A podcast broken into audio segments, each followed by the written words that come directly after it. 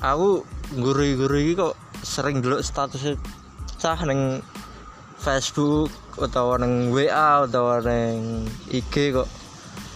Sing di repost sing di post ki self healing foto neng pantai no. Anjing wong tua-tua mbiyen momen yo biasa ae ora self healing self healingan no.